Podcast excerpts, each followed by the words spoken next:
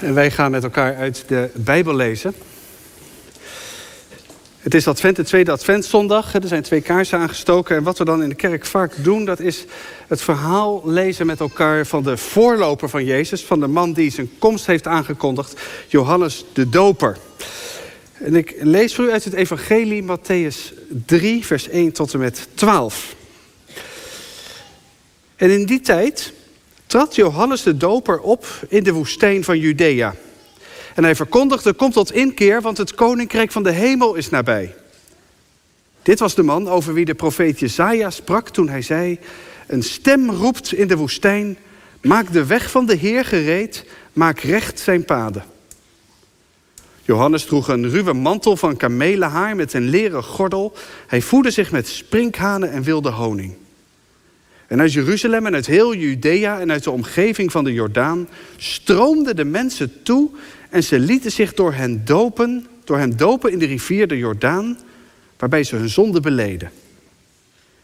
En toen hij zag dat veel fariseeën en sadduceeën op zijn doop afkwamen, zei hij tegen hen, addergebroed, wie heeft jullie wijsgemaakt dat je het komende oordeel kunt ontlopen?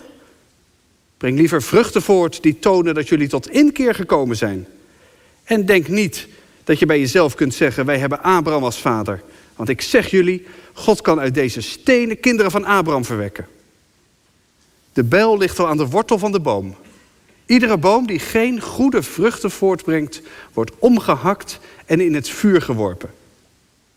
Ik doop jullie met water als teken van jullie inkeer. Maar na mij komt iemand die machtiger is dan ik. Ik ben het zelfs niet waard om zijn sandalen voor hem te dragen. Hij zal jullie dopen met de Heilige Geest en met vuur. Hij houdt de wan in zijn hand. Hij zal zijn dorstvloer reinigen en zijn graan in de schuur bijeenbrengen. Maar het kaf zal hij verbranden in onuitblusbaar vuur. Tot zover uit het Evangelie.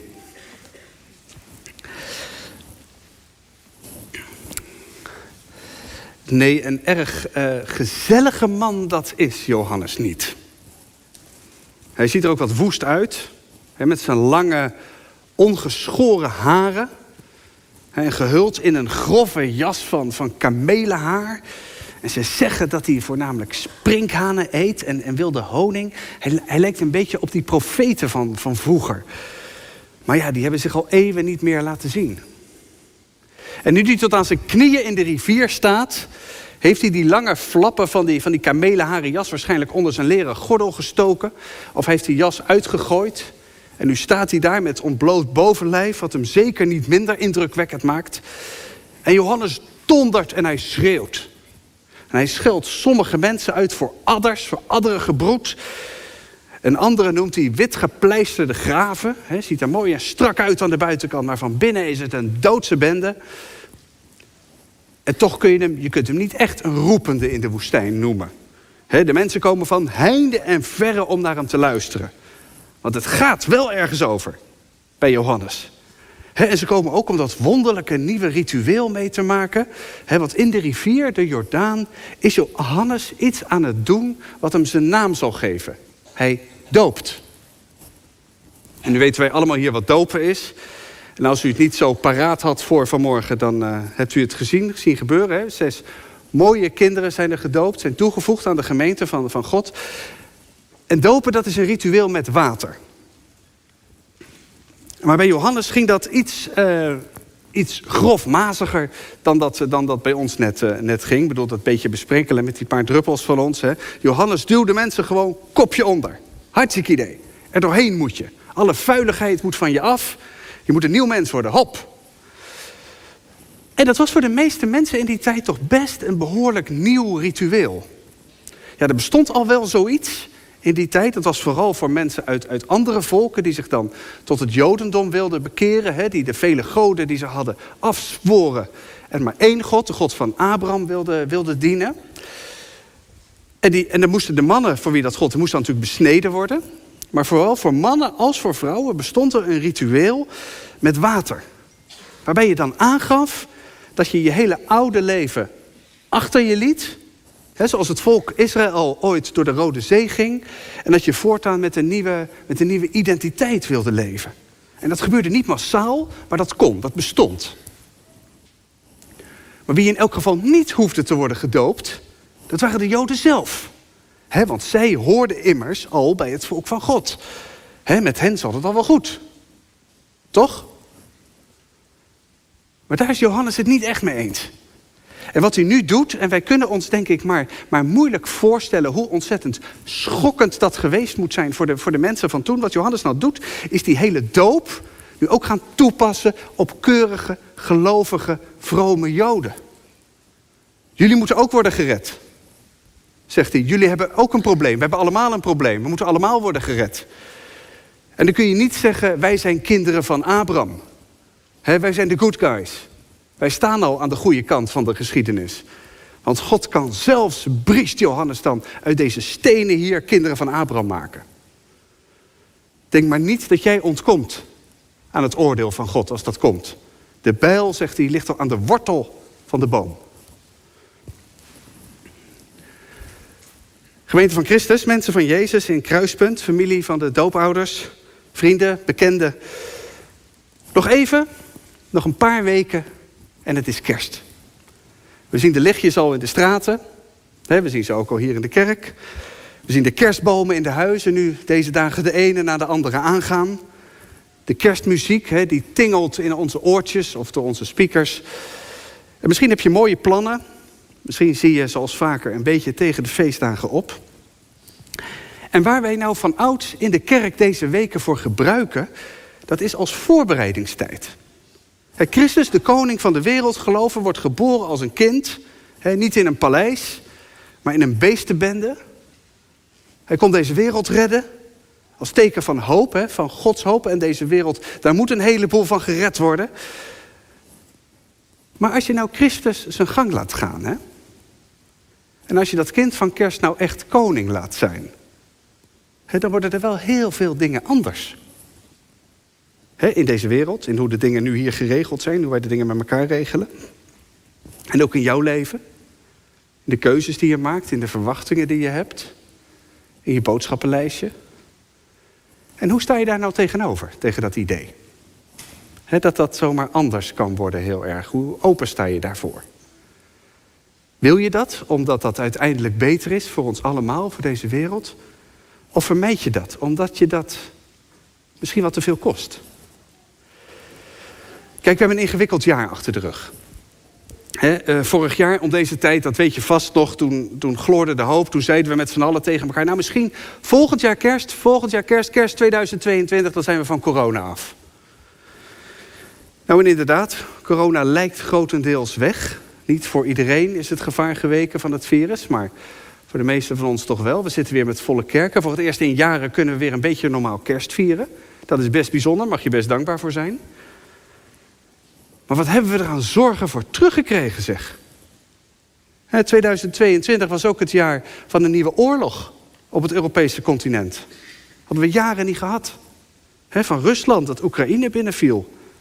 En sancties en inflatie en, en hoge gasprijzen. En mensen die figuurlijk, maar ook gewoon letterlijk in de kou staan. 2022 was het jaar van stikstof, van boze boeren en van een totaal verward Den Haag. Van omgekeerde vlaggen, weet je nog wel? Van boosheid. En dan van nog meer verdeeldheid, terwijl we dachten dat het in de coronatijd al zo bar was. 2022 was het jaar van de vluchtelingen in Ter Apel die buiten moesten slapen. En dan hebben we het nog helemaal niet over het klimaat. En over de immens grote uitdagingen die dit jaar, zacht gezegd, er ook niet kleiner op zijn geworden. De bijl ligt al klaar aan de wortel van de boom, zegt Johannes. En misschien heb jij dat gevoel ook wel. Heb je het gevoel dat onze wereld schudt en kraakt? Dat er van buitenaf tegenaan wordt gebonst en dat het van binnenuit scheuren begint te vertonen? Hoe lang gaat het nog goed? Hoe lang kunnen we onze manier van leven op deze manier nog volhouden? Het is ook wel spannend, bekende tijdens eh, het doopgesprek eh, afgelopen maandagavond, een van de doopouders. op wat voor wereld zet je je kind neer? Van wat voor wereld laat je je kind onderdeel zijn? En als er nou één ding is dat Johannes de Doper daar bij die Jordaan heel zeker weet, dan is het dat het anders moet. God gaat een nieuwe, een betere wereld scheppen. Straks verschijnt er, voorspelt hij iemand op het toneel door wie alles echt anders wordt. En doe je dan mee of niet? Ga je hem dan volgen? Of voel je je eigenlijk zo thuis en zo geriefelijk in deze wereld, die natuurlijk weliswaar niet perfect is, maar ja, hè, er is altijd wat. Met alle verworvenheden die je om je heen hebt verzameld, heb je er veel te veel belang bij dat het blijft zoals het is. Ben je veel te blij met je leventje dat je daar geen trek in hebt. En dat je dat zuchten en dat piepen en dat kraken van deze wereld en van zoveel mensen, dat je dat maar liever uh, negeert. Dit oude leven, zegt Johannes, deze oude wereld, die gaat ermee ophouden. En dat is goed nieuws voor wie, uh, voor wie van de boom van deze wereld maar weinig hoeft te verwachten. He, voor wie altijd achteraan staat. Voor wie eraan bungelt, misschien. De slachtoffers van onze manier van leven. Maar wat als je nou heel veel in die boom hebt geïnvesteerd? Kun je hem dan loslaten? Kun je er dan van afkeren? Kun je dan omkeren? Doe je dan mee of doe je niet mee? Dat is de vraag van Johannes. Maak de weg van de Heer gereed, zegt hij. Maak recht zijn paden. Kijk, de Heer die komt. zo zeker als het straks weer kerst wordt. En zo zeker als een Boeing die de landing heeft ingezet aan de grond zal komen. De vraag is vooral, hoe komt Christus binnen in deze wereld en in jouw leven? Mag het koninkrijk van God daar landen? Omdat de keuzes die je maakt al in lijn zijn hè, met die rechtvaardige wetten van zijn nieuwe wereld? Of komt dat nieuwe koninkrijk straks met een noodklap door alle hindernissen heen die jij hebt opgebouwd? De doop die Johannes daarbij de Jordaan de mensen aanbiedt, is bedoeld als een, als een eerste stap in die omslag. Het is een ritueel van omkeer en van inkeer. Van een nieuw besef, een nieuwe manier van leven. En daarom, daarom is het zowel voor Joden als voor niet-Joden, zowel voor heel gelovige mensen als voor twijfelaars en voor iedereen. Want die nieuwe wereld, die raakt iedereen. Johannes de Doper zou trouwens niet oud worden. Hij kwam gewelddadig aan zijn einde. Zijn hoofd ging er letterlijk af. Dat gebeurt er met mensen voor wie de boodschap te kritisch is voor de machthebbers van deze wereld. En de leerlingen van Jezus die zouden na Johannes ook gaan dopen. Maar hun doop, hè, dat, is, dat is onze doop geworden, dat is toch net een iets andere doop dan die van Johannes. Wat Johannes deed, was mensen uit hun comfortzone halen. Johannes keek uit, hij verwachtte, hij verlangde, hij waarschuwde, hij was kritisch. Hij hield van donderpreken. In Jezus Christus is de verandering die Johannes had voorspeld en gezien, die is gekomen naar ons toe. En als Jezus leerlingen van, van toen af tot op vandaag, tot op net toe aan het dopen zijn, dan doen ze dat in de naam van de drie enige God. In de naam van de Vader, de Zoon en de Heilige Geest. In de naam van de Vader, van God die alle dingen en alle mensen draagt. In de naam van de Zoon, Jezus Christus zelf, die die toekomst, die nieuwe wereld voor ons heeft geopend. En in de naam van de Heilige Geest. God die in ons woont en die ons leidt op weg daarheen. Er zijn alle problemen van de wereld dan opgelost als je, als je maar gedoopt bent, als iedereen maar gedoopt is. Was het maar zo simpel. Je kind laten dopen of zelf gedoopt worden, dat is geen wondermiddel. Het is een, uh, een mindset. ik verwacht geen paradijs op aarde. En het is al helemaal geen paradijs als het dat alleen voor mij is. Ik verwacht iets anders, een ander leven, een andere Heer, een ander koninkrijk. En misschien, misschien maak ik het doorbreken daarvan wel mee in mijn aardse leven. Misschien wel niet. Maar dat maakt niet uit. Want hoe dan ook, ik maak de weg daar naartoe klaar. In mijn keuzes, in mijn liefde voor mensen, in het ernstig, heel erg ernstig en serieus relativeren van alles wat hier en nu lawaai maakt en niet van God is. En straks, dat geloven we als kerk, dan komt die wereld. Dan is die niet meer grotendeels onzichtbaar zoals nu. Een kind in een voederbak, een man eh, aan het kruis. Een onzichtbare minderheid in een wereld vol lawaai. Straks wordt de liefde de norm. En dan zal God, zegt de Bijbel, de tranen van de ogen afwissen. Moet je eens kijken wat een krachtig beeld dat is. De tranen van de ogen afwissen. er zal er geen verdriet meer zijn. Of het is er nog wel, maar God zegt, ik haal het weg. Is er geen lijden meer, geen dood, geen corona, geen kanker, geen hoofdpijn, geen somberheid, geen zuchtende aarde meer en geen afgemat dierenrijk. dan zal de oorlog ten graven worden gedragen en de zwaarden. Ja, daar zullen we dan ploegscharen van maken, want je moet er toch wat mee. Dan zal het leven zijn zoals het is bedoeld. En is dat nu al? Nee, dat is nu nog niet. De wereld leek daar in 2022 misschien wel verder bij vandaan dan, dan, dan ooit. En misschien geldt dat voor jouw eigen leven ook wel. Maar laat je daardoor niet afleiden.